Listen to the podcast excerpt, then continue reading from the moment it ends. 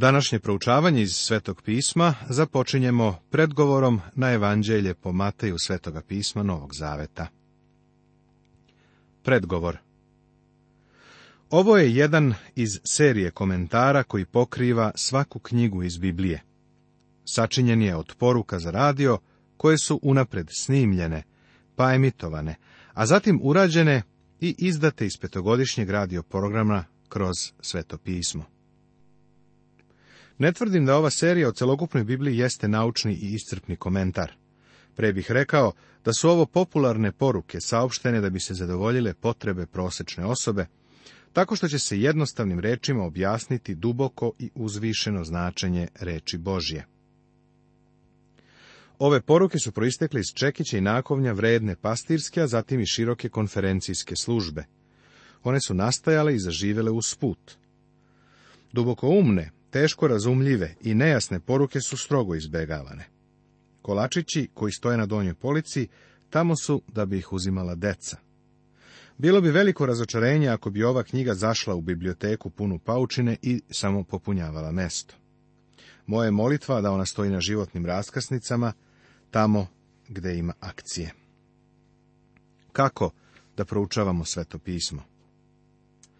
Započnimo sa molitvom. Čitajmo sveto pismo, proučavajmo sveto pismo, razmišljajmo o svetom pismu i prenesimo poruku svetog pisma drugim osobama. Kako da proučavamo svako poglavlje? Prvo odredi temu, zatim najvažniji stih, onda najistaknutiju reč, učenje o Hristu i zapovest koju treba poslušati, obećanje koje treba prihvatiti i novu, tek saznatu istinu. Iako ima samo 28 poglavlja, Evanđelje po Mateju je veoma značajna knjiga Svetoga pisma Novog Zaveta. Prva knjiga Mojsijeva, koju smo imali prilike da čujemo u našim radioemisijama do kraja prošle nedelje, i Evanđelje po Mateju su dve ključne biblijske knjige. Most između starog i novog zaveta Svetoga pisma. Kada danas pristupamo Evanđelju po Mateju, voleo bih da premostimo jaz između starog i novog zaveta, jer da bismo cenili i ispravno razumjeli novi zavet, skoro je od suštinske važnosti da znamo nešto o ovom periodu od otprilike 400 godina. Ovo je vremenski raspon od doba Nemije i Malahije do rođenja Isusa Hrista u Vitlejemu. Vidiš, nakon što je Malahija govorio, nebo je začutalo. Stanica Bog je začutala, pa emitovanja nije bilo četiristotine godina. Onda je jednoga dana anđeo gospodnji banuo u vreme molitve, kada je sveštenik po imenu Zaharije stajao pred oltarom u Jerusalimu. Anđeo je objavio rođenje Jovana Krstitelja, koji je prethodnik gospoda Isusa. Kasnije ćemo vidjeti koliko je Jovan Krstitelj značajan u Matejevom evanđelju. Vidimo da se mnogo šta dešavalo u ovom velikom vremenskom intervalu od 400 godina. Iako je to vreme čutanja, barem kad je u pitanju svetopismo. Ovaj period je bio uzbudljiv i pun potresa u istoriji ovog naroda. I u mnogim pogledima ovo je i tragično doba što se tiče unutrašnjeg stanja, Juda je doživeo radikalne transformacije. Nova kultura, drugačije institucije, nepoznate organizacije pojavile su se u tom periodu i mnoge od tih stvari pojavljuju se u Novom Zavetu. Svetska istorija načinila je neke krupne korake u intervalu između Staroga i Novoga Zaveta. Stari zavet se završava sa medijansko-persijskim carstvom kao dominantnom silom. Egipat je također još uvek sila sa kojom treba računati u svetskoj politici. U toku intervala između dva zaveta svetoga pisma, oba carstva su izbledela sa scene i više nisu bila izuzetne nacije. Svetska sila se sa istoka premestila na zapad, sa orijenta na zapadne države, iz Azije u Europu i iz Mido Persije u Grčku. Na početku Novoga Zaveta, nova sila, Rim vlada svetom. Razmatranje nekih važnijih datuma da će pogled iz ptičje perspektive na ovaj veliki prelazni period. Pošto se istoričari razlikuju u određivanju datuma, dole navedene datume smatraj približnim. Uvod 480 godina pre Hrista, Xerks, Persijanac, pobedio je Grke na termofilima, ali je poražen u bici kod Salamisa. U stvari pobedila ga je Oluja. Bio je to posljednji pokušaj Istoka da stekne i održi svetsku dominaciju. 333. godine pre Hrista. Tamo sa zapada izašao je jarac o kome prorok Danilo govori u osmom poglavlju knjige proroka Danila. Bio je to Aleksandar Veliki, jarac sa velikim rogom. On je ujedinjene grčke snage vodio u pobedu nad Persijancima kod Isisa. 332. godine Aleksandar Veliki je posjetio Jerusalim. Bilo mu je pokazano Danilovo proroštvo, koje je govorilo u njemu, pa je on zato poštedeo Jerusalim. Jerusalim je bio jedan od samo nekoliko gradova koje je Aleksandar Veliki poštedeo. 323. godine pre Hrista Aleksandar je umro u Persiji. On je očigledno nameravao da sedište svoga carstva premesti tamo. Tada se svetsko carstvo i sa istoka i sa zapada podelilo između njegova četiri generala. 320. godine pre Hrista Judeje je pripojena Egiptu od strane Ptolomeja Sotera. 312. godine Seleuk je osnovao kraljevstvo od Seleukide, a to je Sirija. Pokušao je da zauzme Judeju, pa je Judeja postala bojno polje između Sirije i Egipta. Ova mala zemlja je tako postala tampon, država. Bila je vrlo nalik na staromodne daske za pranje, koje su naše bake koristile u vedrima, Gore dole, gore dole, trljali su odeću. Tako su i ova dva naroda išla gore dole, preko male države Judeje. 203. godine pre Hrista, Antiohije Veliki je zauzeo Jerusalim i Judeje je pala pod uticaj Sirije. 170. godine pre Hrista Antiohije Epifani je zauzeo Jerusalim i oskvrnio hram. On je spomenut u proroku Danilu kao mali rog u osmom poglavlju u devetom stihu. Nazvan je Neronom jevrejske istorije. 166. godine pre Hrista Matatija, judejski sveštenik, podigao je bunu protiv Sirije. Ovo je početak makavejskog perioda. Verovatno izraelski narod nikada nije tako trpeo kao u toku ove ere, i nikada se tako herojski nisu pokazali kao u tom intervalu. Juda Makabejac, čije ime znači Čekić, bio je vođa koji je organizovao pobunu. 63. godine pre Hrista, Pompej, Rimljanin, zauzeo je Jerusalim, pa je izraelski narod pao pod vlast nove svetske sile. Bili su pod rimskom vlašću u vreme Isusovog rođenja i skroz u toku novozavetnog perioda. 40. godine pre Hrista rimski senat je naimenovao Iroda za cara u Judeji. Nikada nije postojala ni porodica ni čovek tako zao kao oni. Čovek može da priča o užasnoj mafiji, ali bi ih ova porodica sve prevazišla. 37. godine pre Hrista Irod je zauzeo Jerusalim i pogubio Antigona, posljednjeg makabejskog cara sveštenika.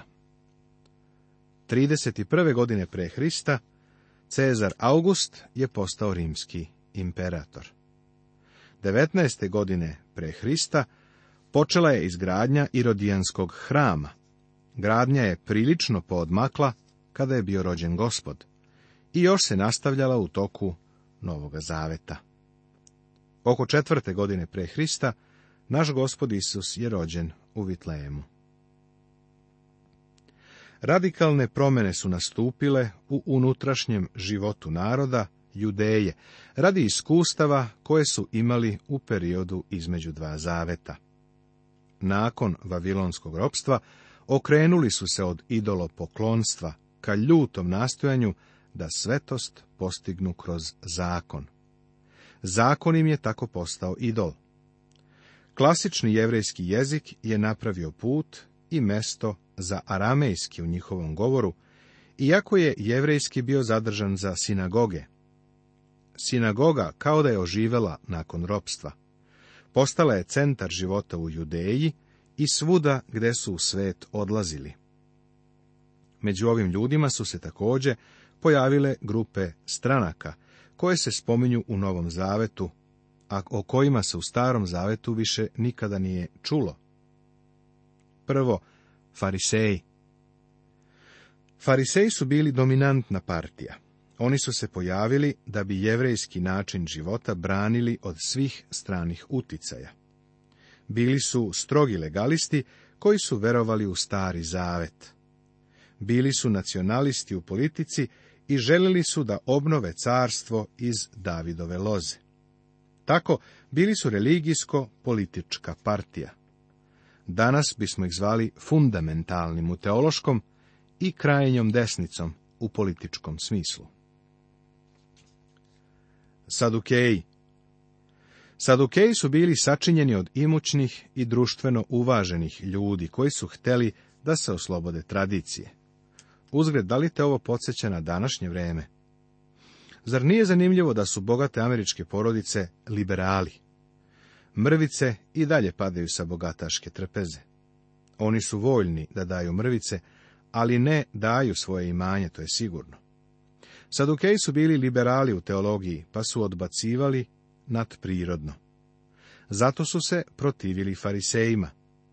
Sadukeji su bili vrlo srodni grčkim epikurejcima, čija je filozofija bila jedi, pij, raduj se, jer ćemo sutra umreti. Možda imamo pogrešnu ideju o sadukejima. Oni su u stvari pokušavali da dobiju dobar život. Mislili su da svoje telesne apetite mogu prevazići tako što će ih zadovoljavati. Pa kada im bude neograničeno dato na volju, tada na njih više neće obraćati pažnju. U naše vreme vrlo mnogo ljudi ima istu filozofiju.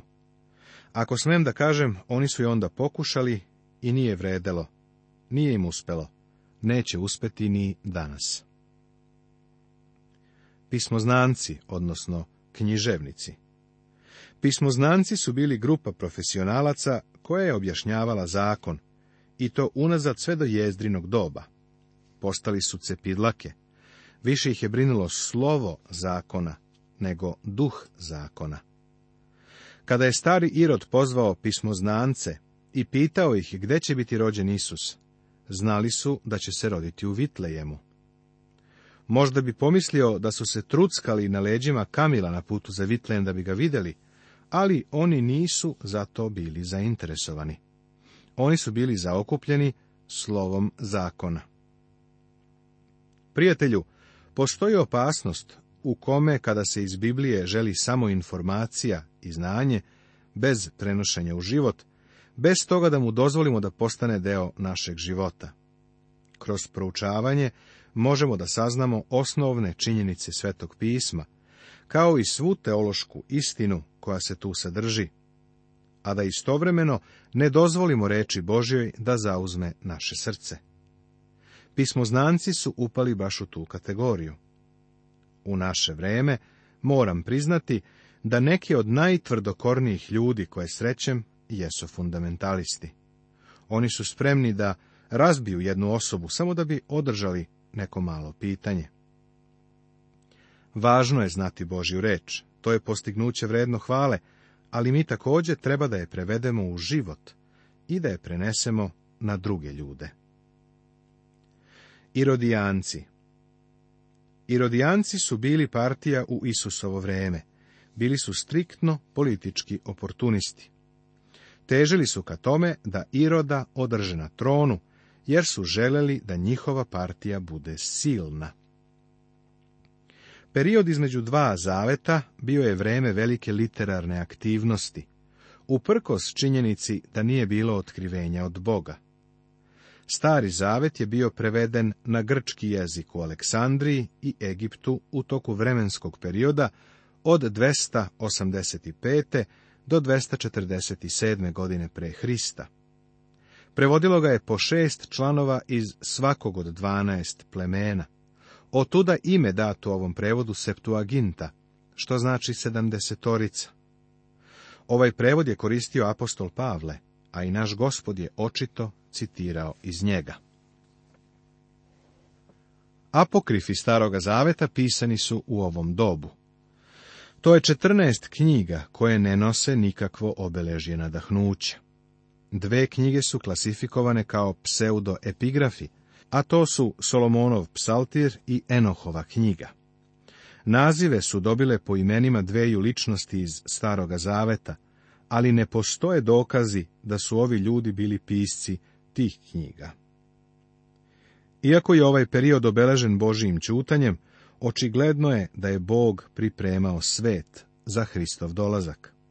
Jevrejski narod, grčka civilizacija, rimsko carstvo i uzavrelo mnoštvo na orijentu, sve je to bilo pripremanje za dolazak spasitelja. Sve ovo proizvelo je scenu koju je apostol Pavle okarakterisao kao punina vremena.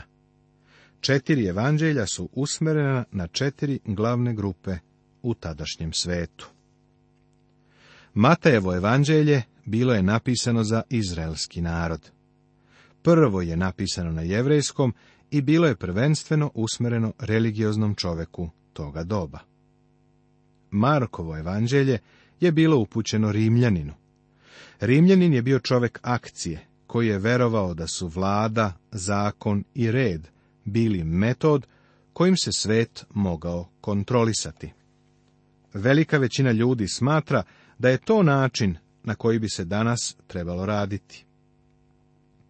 Istina je da mora biti zakona i reda, ali Rimljani su uskoro saznali da svetom ne mogu vladati samo pomoću toga. Svet je trebalo da čuje o onome koji je verovao u zakon i red, ali koji je ponudio i oproštenje za grehe i blagodat i milost Božiju. Markovo evanđelje Rimljanima predstavlja gospoda. Lukino evanđelje je pisano za Grka, misa onoga čoveka. Jovanovo evanđelje je pisano direktno za vernike, ali indirektno za orijent, gde su bili tajanstveni milioni ljudi, koji su u to vreme svi vapili za izbavljenjem. Iz sveta, kome je potreban izbavitelj, i danas se čuje vapaj. Religioznom čoveku je potreban Hristos, a ne religija. Čoveku sile je potreban spasitelj koji ima silu da ga spase. onom čoveku je potreban onaj koji može da zadovolji sve njegove duševne i duhovne potrebe a unesrećeni čovek svakako treba da zna za spasitelja koji ne samo da može da ga spase, nego i da ga izgradi tako da živi za Boga. Pisac